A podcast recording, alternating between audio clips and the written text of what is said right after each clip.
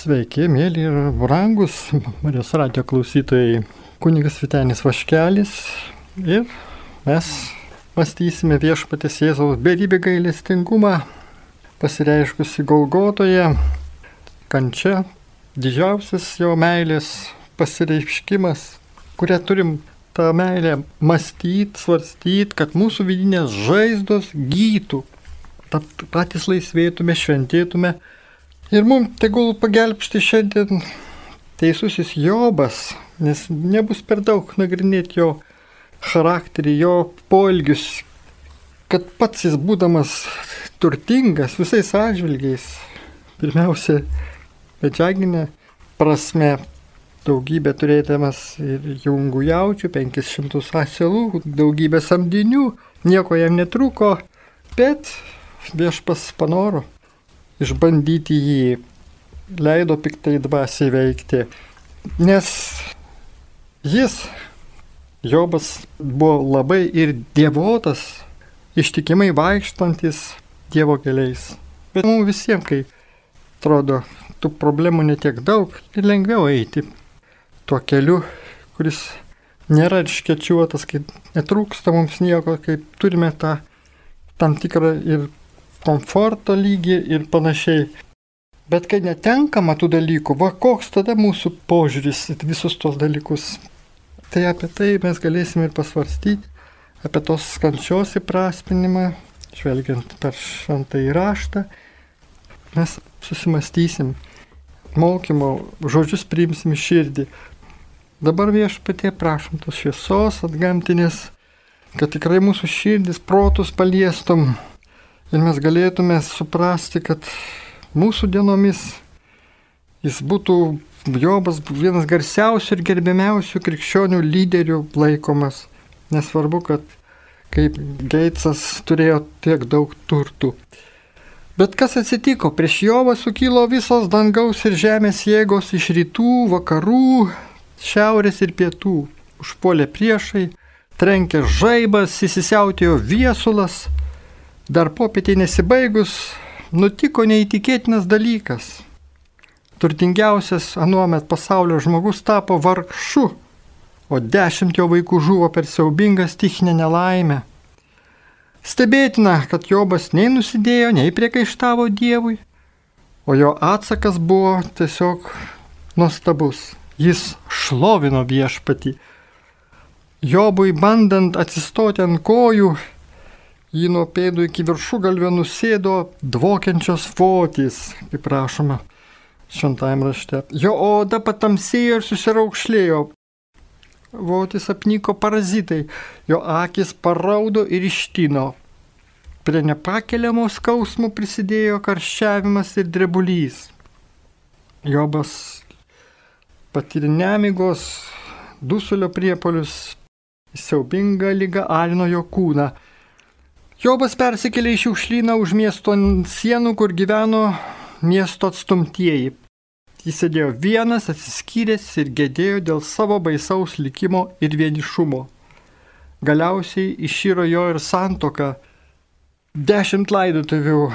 Beviltiškai sergantis vyras Jobo žmonai to jau buvo per akis. Štai ką jį pasiūlė savo vyrui. Ar dar laikaisi savo dorumo, keik Dievą ir mirk. Ši istorija dar labiau glūmina dėl to, kad Jobo kančias buvo nepelnytos, jis nebuvo kaltas. Nuodėmės ir skausmo, kurį jam teko patirti, niekas nesiejo. Tai atrodė labai neteisinga, nes to kyla ir klausimas, o kur Dievo privertusio ištikimai Jobą tiek kentėti, meilė ir gerumas. Tai tik iš pirmo žvilgsnio toks klausimas galima formuluoti, bet mes matom, kad yra ir pavyzdžių parodančių, kad mūsų laikais krikščionys pasitikėdami Dievu, lygas, išbandymus, net pačią mirtį, priema viltingai Kristaus prisikelimo šviesoje. Štai pavyzdys. Hilda, jauna studentė žydė, dalį dienos dirbo New Yorko universitete. Ji dalyvavo savo bendramokslis krikščionės mirusios nuo vėžio laidotuvėse. Prasidėjus apieigoms mirusiosios šeima pranešė, kad bus negedima, bet švenčiama. Jie dalyjosi prisiminimais apie dukterį ir dėkojo Dievui už ją kaip dovaną. Gėdojo šlovinimo giesmę, citavo šventai raštą, kad viskas išeina į gerą mylintiems Dievą. O tuo metu Hilda sėdėjo negalėdama patikėti, ar tie žmonės nejokauja, ar jie ką nors jaučia. Kitą dieną atėjusi darbą įpyko ir niršo, kad į tragišką jos draugės mirtį buvo pažvelgta taip paviršutiniškai. Galiausiai per pietus jį pratrūko pikčių ant kito bendradarbio krikščionio, kuris taip pat dalyvavo laidutuvėse. Ar jūs neverkėte ir negedite? Nesuprantu jūsų. Ar jūs apskritai žmonės? Žinoma, neturime verkti ar liūdėti taip, kaip tie, kuri neturi vilties Kristuje. Tačiau mes vis dėlto ir verkiame, ir liūdėti tenka. Koheleto knyga mus moko, viskam yra metas ir laikas juoktis, ir laikas verkti, laikas gedėti, laikas šokti. Jėzus verkė prie Lozoriaus kapo ir Jeruzalėje dėl savo tautos. Štai Kita iliustracija. Džeinė metus lankiusi maldos grupę pamažu ėmė suprasti, kiek daug netekčių jį patyrė vaikystėje, paauglystėje ir jaunystėje. Pirmą kartą gyvenime jį artinusi prie savo netekčių, o nestengėsi nuo jų bėgti. Kartą susitikimui pasibaigus, ją paklausė, kaip jai sekasi. Galva nuleidusi, jis užnipždėjo. Man atrodo, kad ir toliau liūdėsiu dėl savo netekčių, galiu ir numirti. Atsisukti skausmą atrodytų prieštarauja sveikam protui. Tačiau iš tiesų krikščionybės esmė tai, kad kelias į gyvenimą veda per mirtį, o į prisikėlimą per nukryžiavimą. Žinoma, taip kalbėti lengviau negu gyvenime šios žodžius pagrysti veiksmais. Geraldas Sitseris savo knygoje pasislėpusi malonė apmasto savo motinos, žmonos ir dukrelės, kurių jis neteko siaubingoje automobilio avarijoje mirti. Jis nusprendė nebėgti nuo savo netekties, bet žengti tiesiai į tamsą ir leisti šiai didžiuliai tragedijai pakeisti jo gyvenimą. Jis suprato, kad greičiausias būdas pasiekti Saulę ir dienos šviesą yra nebėgti į vakarus paskui ją, bet pasukti į rytus, į tamsą, kol galiausiai pasieksi Saulėtekį. Vaikystėje mūsų statoma gynybinė siena skirta apsaugoti mus nuo skausmo, žinot, gali būti tam tikra prasme didelė Dievo dovana. Pavyzdžiui, kas nors vaikystėje patiria emocinį ar seksualinį smurtą, jo neįgymas gali būti sveikas išlikimo mechanizmas. Vaikas užgneužia skausmą ir tai padeda jam ištverti skausmingomis aplinkybėmis. Vaikystėje geriau giliai neišgyventi skausmingos tikrovės, kad ištvertume emociškai. Tačiau tampant suaugusiaisiais, reikia, kad išauktume iš neigimo gynybinių mechanizmų ir sažiningai pažvelgtume į tai, kas yra tiesa, į tikrovę. Juk Jėzus sakė, jūs pažinsite tiesą ir tiesa padarys jūs laisvus. Tačiau, kad apsisaugotume nuo skausmo, mes ir suaugę neatsisakome gynybinių manevrų ir tai trukdo mums dvasiškai ir emociškai bręsti. Galėčiau net išvardyti keletą tokių pasitaikančių gynybinių mechanizmų. Neigimas arba tam tikra užmarštis. Atsisakome išoriškai arba iš vidaus pripažinti kokį nors skausmingą tikrovės aspektą. Pavyzdžiui, sakome, jau jaučiuosi puikiai.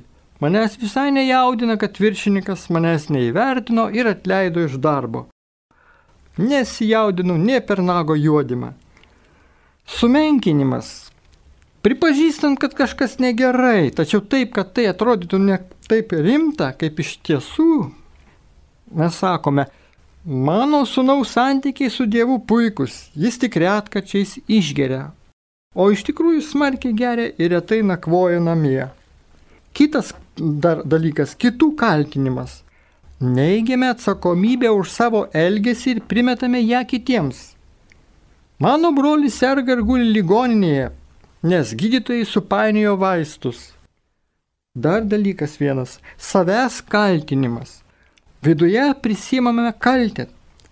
Tai aš kaltas, kad mama nesirūpina manimi ir visą laiką geria, ji tai daro todėl, kad aš jos rūpeščio nevertas. Kągi, mes galim žiūrėti dar giliau, prisiminti šventą Joną Krikščitoje, kuris mums rodo puikų pavyzdį, kaip reikia pripažinti savo ribotumą. Mes žinome, kad iš pradžių sekusios minios Joną, kad jis juos pakrikštytų, vėliau pradėjo sekti Jėzumi. Jėzui pradėjo savo tarnystę. Kai kurie Jono pasiekėjai buvo nepatenkinti tokiu neįtikėtinų įvykių posūkių. Jie jam skundėsi, visi bėga pas jį, Jonas suprasdamas savo ribotumą atsakė, žmogus negali nieko pasiimti, jeigu nebus jam duota iš dangaus.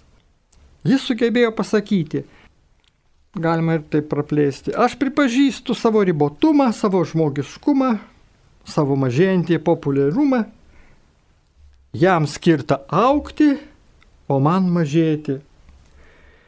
Ar galėtume pastebėti, kad daugelis mūsų priešingai panašus kūdikius.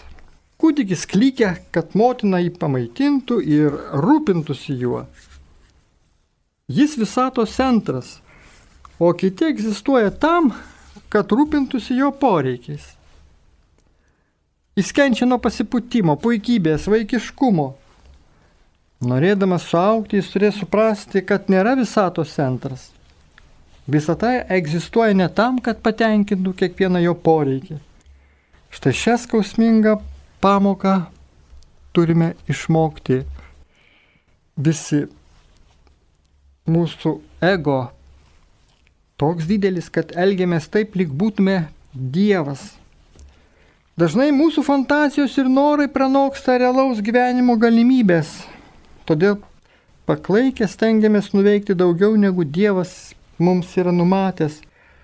Pavargstame galvodami, kad galime daugiau negu iš tie, yra iš tiesų. Būname įsitempę ir kaltiname kitus. Blaškomės, kad pasaulis, ar tai būtų mūsų bažnyčios, draugai, reikalai ar vaikai, neapseis be mūsų ir mes sustosime. Norint suaukti, būtina nulipti nuo savo sosto ir prisidėti prie likusių žmonių.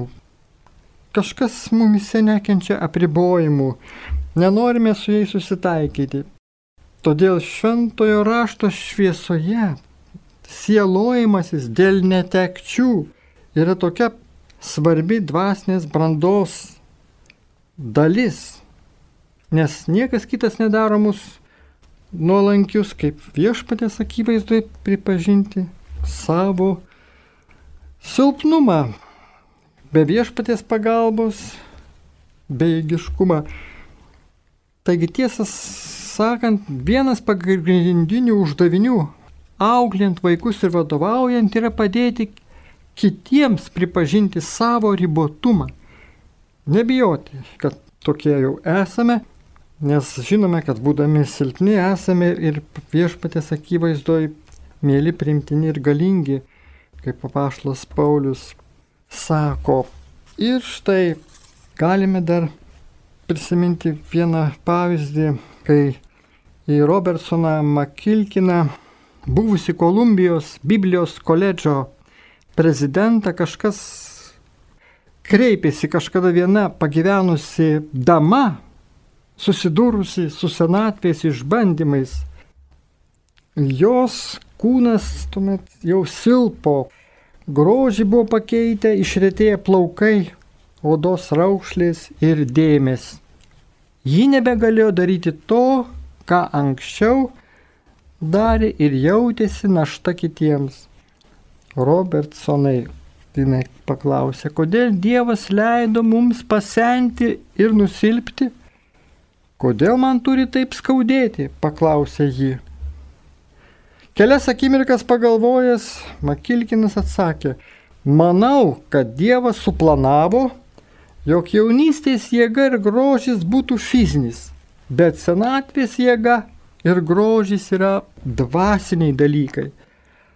Mes pamažu prarandame jėgą ir grožį, kurie yra laikini, kad būtinai sutelktume dėmesį į jėgą ir grožį, kurie yra amžini. Dėl to mes labiau norime palikti laikiną, nykstančią savo dalį ir tikrai pasilgstame savo amžinųjų namų.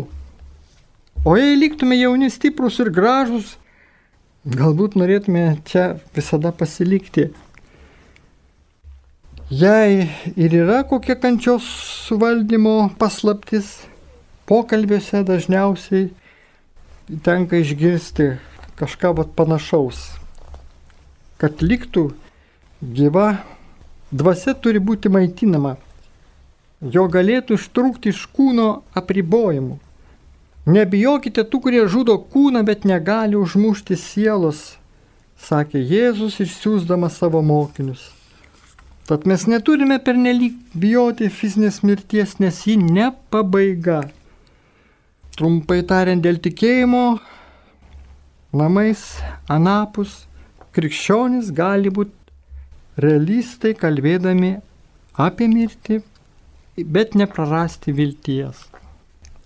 Ir galėtume štai dabar dar pamastyti ir apie tą, va atrodo, priešininkę, tą paskutinę mirtį, tai yra nugalėtą priešą, nes Kristus savo mirtimi ir prisikelimu mus atpirko, prisimindami vieno krikščionių dvasininko pasakytus žodžius. Net ir būdami kuo puikiausios veikatos, turėtume nepamiršti apie mirtį, kad nesitikėtume šioje žemėje pasilikti amžinai, bet gyventume, lik viena koja jau būtų pakilusi į orą. Tai štai taip va, vaizdingai pasakyta. Kai viena mano koja pakyla į orą, įgaunu naują požiūrį į skausmų ir kančių problemą. Bet kokia diskusija apie kančias nėra išsemta nepanagrinėjus jos amžinybės požiūrių. Negalim šito dalyko apeiti. Viskas, va štai kas svarbiausia, turi būti viešpatė šviesoje, Velykų amžinų šviesoje vertinama. Ir būtent šitaip kančiai, kurią mes žvelgiame per Kristaus mokymo prizmę, jinai tuomet va štai įgyja didžiulę vertę Dievo ir mūsų gyvenime, mūsų kasdienybės pašventinimui.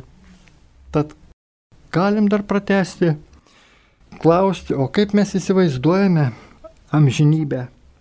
Ji trunka daug ilgiau nei mūsų trumpas gyvenimas čia, kad be abejo net sunku ir įsivaizduoti. Tad pasiremkime ir vienu pavyzdžiu. Ant trijų metrų rašomosios lentos galime nubrėžti liniją nuo vieno krašto iki kito krašto. Tuomet ant tos linijos padėkime tašką.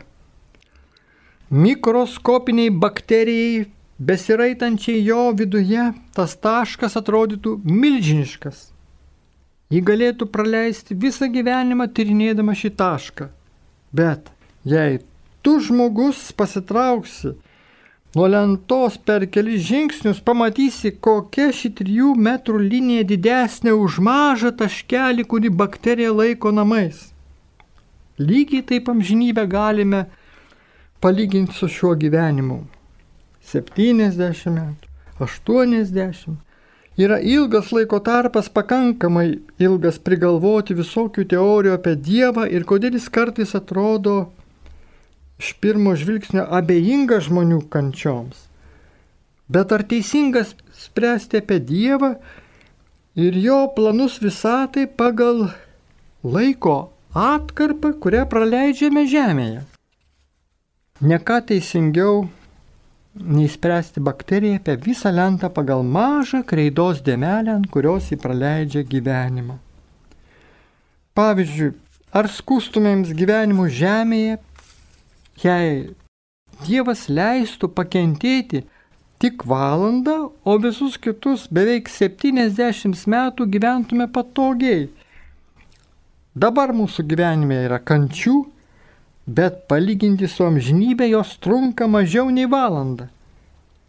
Kaip drąsiai pasakė šventoji Teresė Avilietė, iš dangaus net ir labiausiai apgailėtinas žemiškas gyvenimas atrodys kaip viena bloga naktis prastame viešbutyje.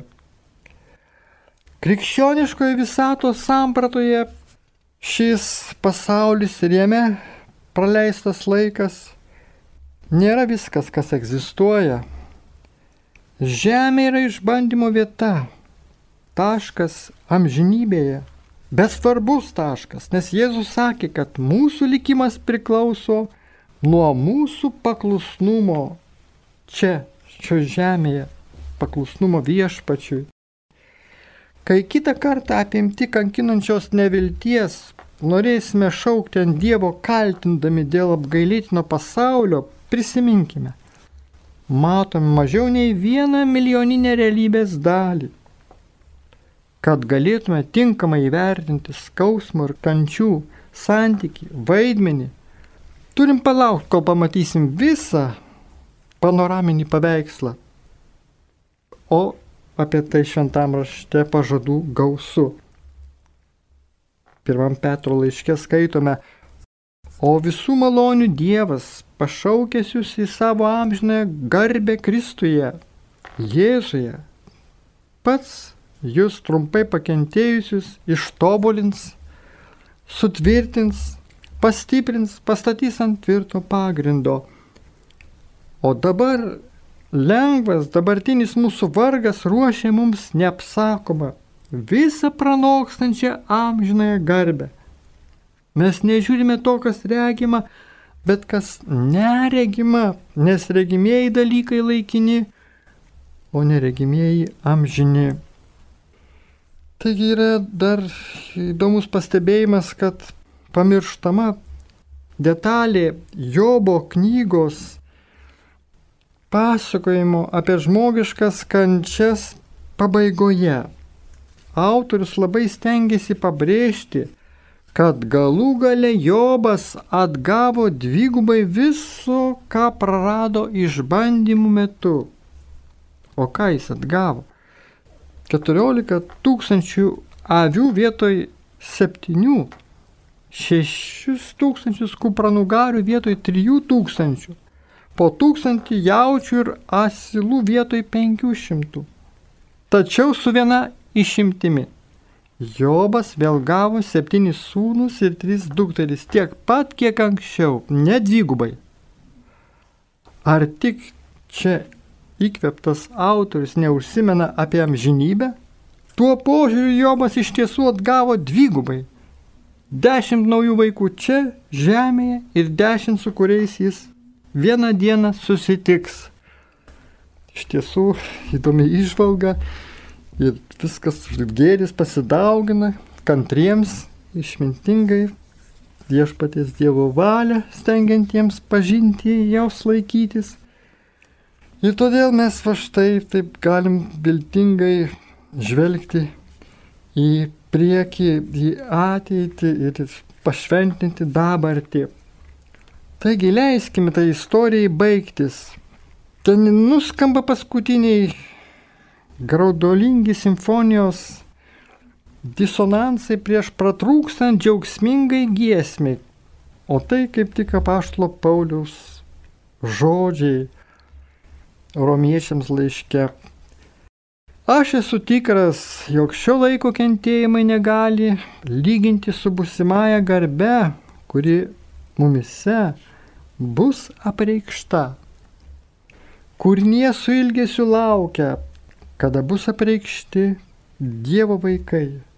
Juk mes žinome, kad visa kūrinyje iki šiol tebe dūsauja ir tebesikankina. Ir ne tik jį, bet ir mes patys, kurie turime dvasios pirmosius vaisius pratmenys ir mes dėjuojame, laukdami įsūnymo ir mūsų kūno atpirkimo. Kai prisiminsime tam žinybės akimirką, kuri buvo šios planetos istorija, būsime nustebinti ne jos reikšmės, bet jos mažumo. Pavyzdžiui, žiūrint iš Andromedos galaktikos, visos mūsų Saulės sistemos sunaikinimas būtų vos matomas, tik silpnas, tolimas, degtuko blikstelėjimas, galutinai išnykstantis tamsoje. Tačiau šiam perdegusiam degtukui Dievas paukojo save. Skausmą galima suprasti, kaip sakė vienas autorius, kaip dydiem žinybės dar ne. Jis primena mums, kad esame dabar ir sukelia troškimą būti tuo, ko vieną dieną tapsime. Galime su pasitikėjimu tarti, kad vieną dieną kiekviena mėlynė ir kiekviena leukemijos lastelė, kiekviena gėda ir kiekviena skriauda bus ištaisyta. Ir visus tos niūrios akimirkos kai be vilties vylėmės pagaliau sulauks atpildo. Savo kančių viršūnėje Jobas kalbėjo, o, kad mano žodžiai būtų užrašyti, kad jie būtų surašyti į knygą, o kad geležies plaktukų iš švinų jie būtų amžinai iškalti ant uolos. Juk aš žinau, kad mano atpirkėjas gyvas, galų galiai jis pakils kaip liudytojas žemėje. Matysiu jį savo, o ne kieno kito akimis. To trokšta širdis mano krūtinėje. Taigi galim dar ir klausti šią valandėlę, kur Dievas yra, kai skauda. Didelę gyvenimo dalį kai kurie žmonės būna, kad pritarė tiem žmonėm, kurie pikžodžiauja Dievui, nes patys va štai mano, kad taip galima elgtis. Ir jie plūsta kartais Dievo dėl to, kad jis leidžia skausmą. Kančia pernelik stipriai badė akis. Taigi, iš tiesų, tokiam paaiškinimui norėtųsi pateikti štai tokius žodžius. Vėlgi vieno tikinčiojo patirtim besiremdamas, štai noriu pasituoti netgi jo žodžius, kai lankiau žmonės, kurių skausmas gerokai viršijo mano paties, buvau nustebintas jo poveikio. Atrodė, kad kančia gali vienodai sėkmingai sustiprinti tikėjimą, kaip ir pasėti didelių abejonių sėklą. Ypač daug apie skausmo vertės sužinojau lankydamas sergančius raupsais. Net ir tokia patirtis buvo be abejo, tai lyga, lipni ir tai yra iš tiesų mūsų, ačiū Dievui, pasaulyje tikrai nykstanti yra kitos lygos. Mes galim dar prisiminti visas va štai tas COVID-19 atmainas plintančias čia pasaulyje ir pramelsti viešpati, kad išvengtume, kad tikrai būtume apsaugoti jo malonės ir kurie vat, dar serga, o visą pasitaiko kasdien, mes tą lygą viešpatie gydyk, laimink, užtark, mes melžiame. Taigi skausmo problema nebus galutinai įspręsta, kol Dievas galutinai net naujins žemės. Mus palaiko tikėjimas šią didelę viltimį Jei iš tiesų netikėčiau, kad Dievas yra gydytojas ir kad jis, Džordžo McDonaldo žodžiais tariant, savie kankinančiai jaučia kiekvieną poilsio nerandantį nervą, tada atsakyčiau visų bandymų ištirnėti kančios paslaptis. Tikrai atsisakyčiau, jeigu taip jau nebūtų. O dabar mes žinom viešpats kartu su mumis esti kančioje ir bažnyčios nariai, kaip jo Kristaus mistinio kūno nariai, taip pat va štai mokydamėsi su verkiančiais verkti, pagalbos ranką jiems tiesti, o su besidžiaugiančiais. Be pavydo grūdelio džiaugtis ir linkėti jiems gero, štai va yra mūsų pašaukimas, šventėjimo kelias Dieve. Ir mes tuomet labai galim tuomet aiškiai, viltingai, ramiai sakyti, kur Dievas yra, kai skauda. Jis buvo nuo ten nuo, nuo pat pradžių, kai kūrė skausmo receptorių sistemą. Jis perkečia skausmą panaudodamas jį mums pamokyti ir sustiprinti, jei leisime skausmui pastumėti mus link viešpaties. Su didelė kantrybė jis stebi, kaip tęsiasi gyvenimas šioje maištingoje planetoje, gailestingai leisdamas žmoniai toliau savarankiškai vykdyti savo projektą Jis leidžia mums šauktis kaip Jobui, piktai prieš jį plyšauti, kaltinant jį dėl pasaulio, kurį patys sugadinome. Jis stoja varšų ir kenčiančiųjų pusėns, teikdamas jų naudai tą karalystę pakreiptą, kuri jiems tampa jų dabartiniu ir busimuoju džiaugsmu. Jis lenkėsi, kad nugalėtų, jis pažada atgamtinę pagalbą pamaitinti dvasį, net jei mūsų fizinė kančia nepalengvėja. Jis yra vienas iš mūsų. Jis buvo sužeistas, kraujavo, verkė ir kentėjo. Pasidalindamas jų skausmų jis visiems laikams suteikė orumo kenčiantiems.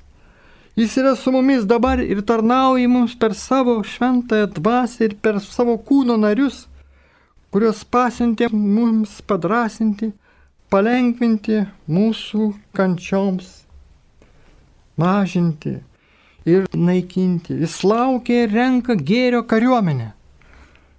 Vieną dieną jis mes ją į kovą ir pasaulis pamatys paskutinę bauginančią kančios akimirką, kol bus pasiekta visiška pergalė.